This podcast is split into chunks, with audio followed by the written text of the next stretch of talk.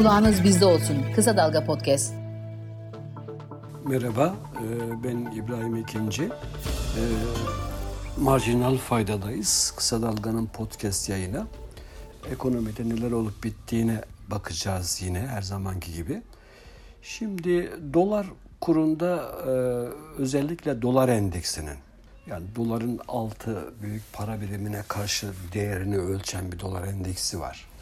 O endeksin o endekste doların güçlenmesinin etkisiyle içeride de bir miktar kur kıpırdadı.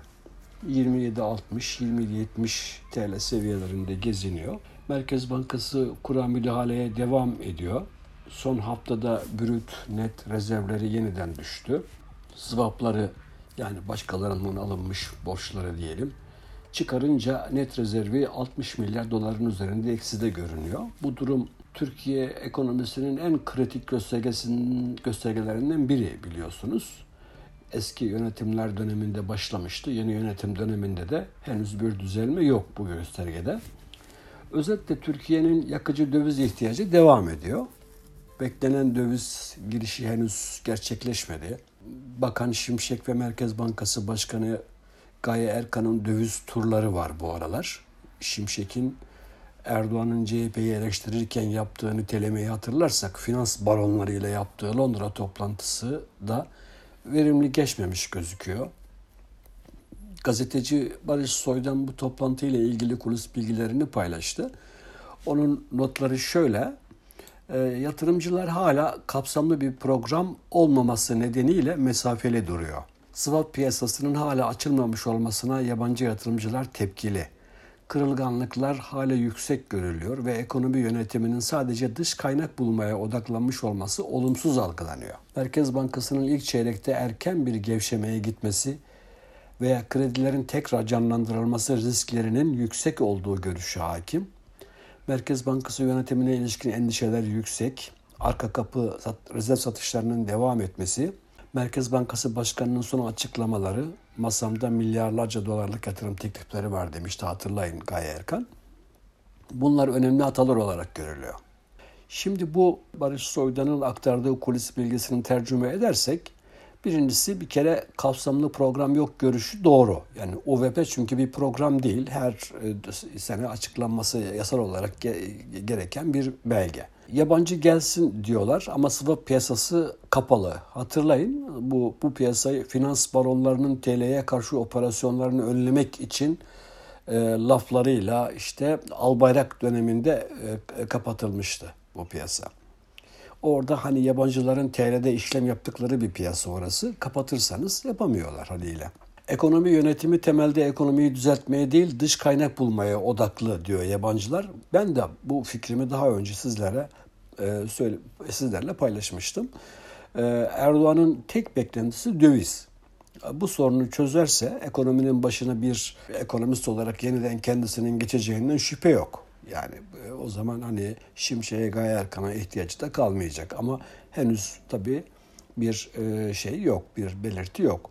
Erken gevşeme endişesi e, zaten bu yabancılardaki bu endişe Erdoğan Şimşek Erkan ikilisini açtığı krediyi erken kapatma endişesi demek. Kısacası aslında bu yabancıların laflarını elersek eleğin altında kalan şey Erdoğan'a güven yok. O anlaşılıyor. Şimdi devam edelim. Bu yabancıların da işaret ettiği rezerv yakarak kura müdahale edilmesinin sonucu olarak Eylül'de tüfe bazlı reel efektif döviz kuru 55-52 oldu.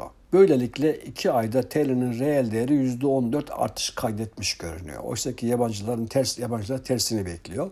Kur yükselsin, istikrar kazansın, faizler yükselsin. Hükümet için işler anlaşılan sıkıntılı seyrediyor. Kuru bıraksalar enflasyon yükselecek. Kuru tutsalar yabancı gelmekten azlanıyor. Dolayısıyla böyle bir ikilem içerisindeler.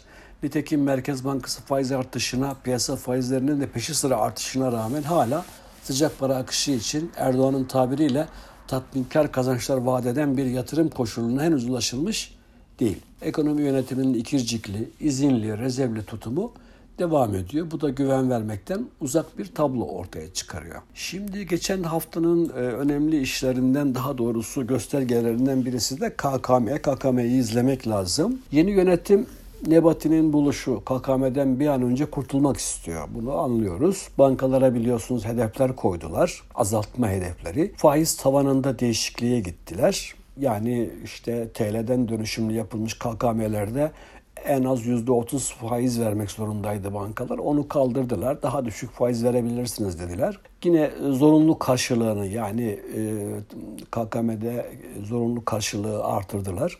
Ama beklenen çözülme henüz yok. Tasarrufçunun güvensizliği devam ediyor. KKM bakiyesi 18 Ağustos'ta 3.4 trilyona ulaşarak zirveyi görmüştü. Arkasından da bu bahsettiğim azaltıcı tedbirler geldi. İzleyen bir ay içerisinde 102 milyar liralık azalış oldu ama sonra durdu. Artık haftalık azalmalar 1-2 milyar lira seviyesine gerilemiş durumda. Tablo tasarruf sahibinin KKM'den çıkmaya pek niyetli olmadığını gösteriyor. Ekonomiyi tam bir güven oluşmadan, TL yatırım araçları enflasyonun üzerinde bir getiri vaat etmeden de çıkacağı yok gibi. KKM aslında döviz demek biliyorsunuz. Çünkü dövizde çıpalı bir mevduat duruyor. Dolayısıyla vatandaş dövizde kalmaya devam ediyor demek. Dolarizasyon oranındaki artış da bunu gösteriyor zaten. TL mevduat faizleri enflasyonun altındayken, kurun çıkacağı beklentisi de varken KKM tasarrufçusunun TL'ye geçmesi artık bir tasarrufçu tercihi olarak değil de belki ekonomi yönetiminin zoraki önlemleriyle mümkün. Yani şu anda tablo hmm, tasarrufçunun çıkmakta gönüllü olmadığını gösteriyor. Şimdi yukarıda belirtmiştim dolar endeksinin güçlenmesi. Şimdi bu geçen haftanın e, yani en önemli gelişmelerinden birisi buydu.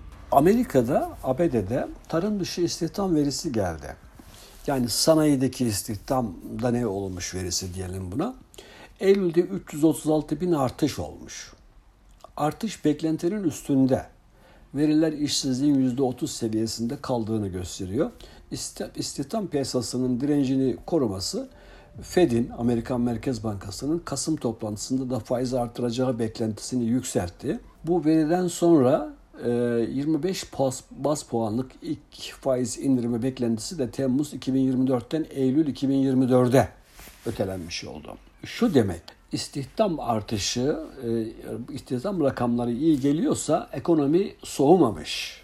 Yani ekonomi sıcak, hareketli demek. Dolayısıyla e, Fed ne yapmaya çalışıyordu? Ekonomiyi yavaşlatmaya çalışıyordu enflasyonu dizginlemek için faiz artırarak. Dolayısıyla demek ki şu ana kadar yapılan faiz artışlarına rağmen ekonomideki bu sıcaklığın devam ediyor olması Fed'in de faiz artışlarına devam ediyor olacağı anlamına geliyor. İşte bundan dolayı yani Fed faiz art, artırdıkça aslında doların faizini artırmış oluyor.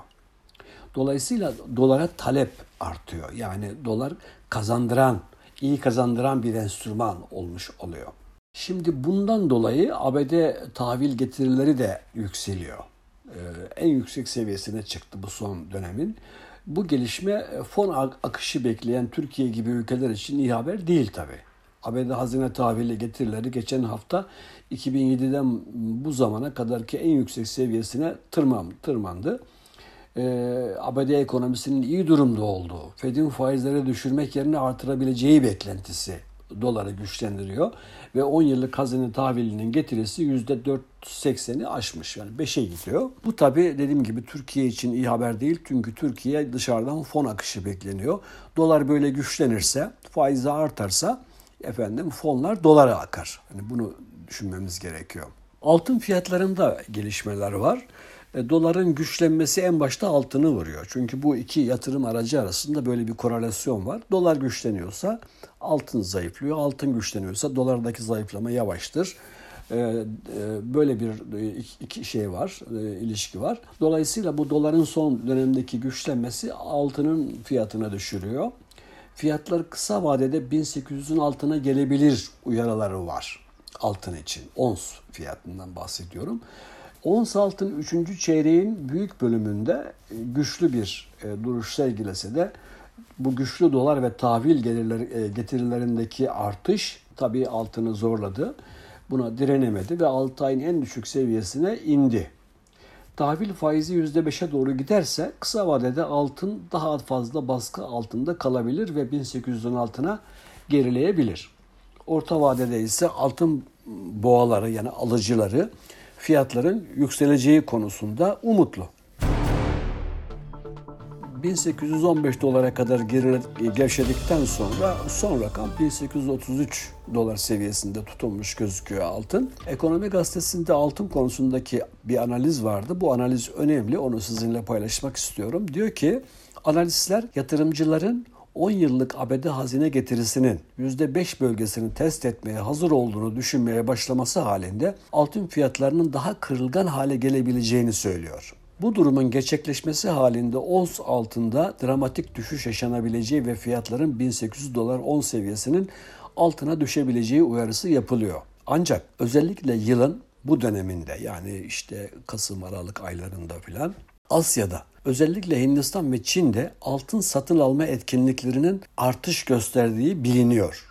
Yani tarihi olarak böyle bir durum var. Böyle bir mevsimsel durum var. Bu beklentiler doğrultusunda altın fiyatının Kasım ayı başı itibariyle artış göstermesi bekleniyor. Wall Street uzmanı analistlerinin katılmış olduğu bir ankete göre katılımcıların %54'ü altın fiyatlarının önümüzdeki haftadan sonra artmaya başlayacağını öngörüyor. Analizdeki ifadeler böyle. Kur artacak beklentisi tüketim malı ithalatını besliyor. Türkiye için böyle bir durum var. Dış ticaret verileri biliyorsunuz geldi en son ve tüketim malları ithalatında %37'lik artış olduğu e, görülüyor. Yatırım malları, ara malları ithalatında düşüş ya da çok yavaş artış varken tüketim mallarında çok yüksek, %37 gibi yüksek bir artış var. Bu tabi kur yükselecek beklentisiyle araba, telefon ve diğer elektronik ürünlere özellikle ithal mallara talebin de yüksek seyrettiğini gösteriyor.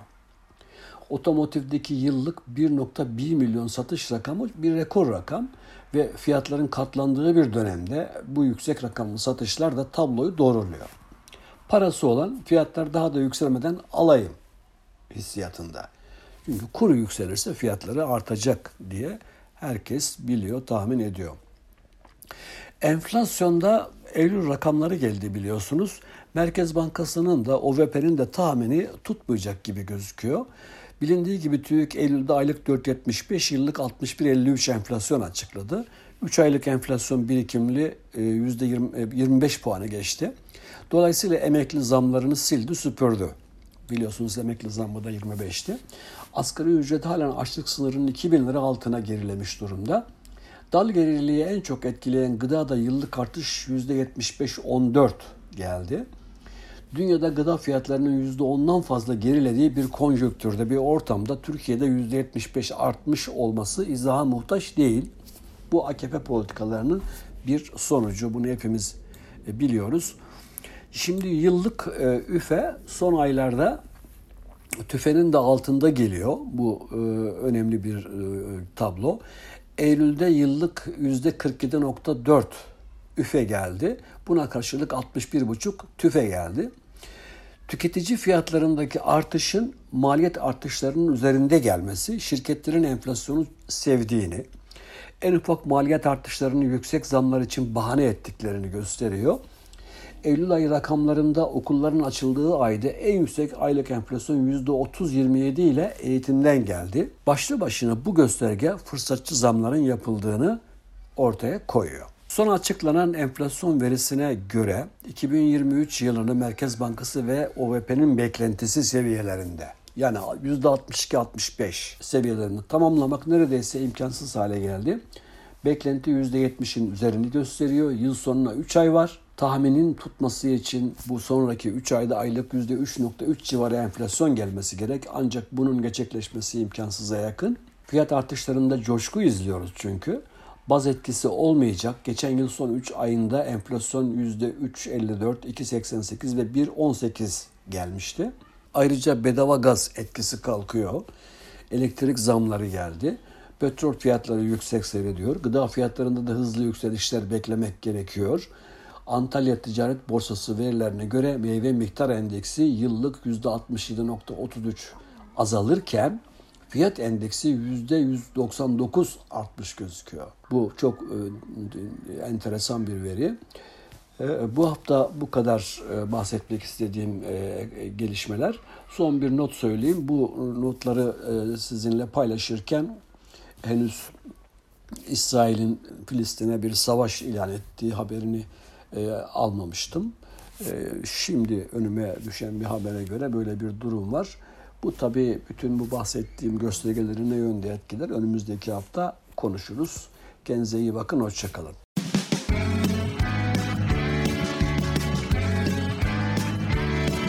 Kulağınız bizde olsun. Kısa Dalga Podcast.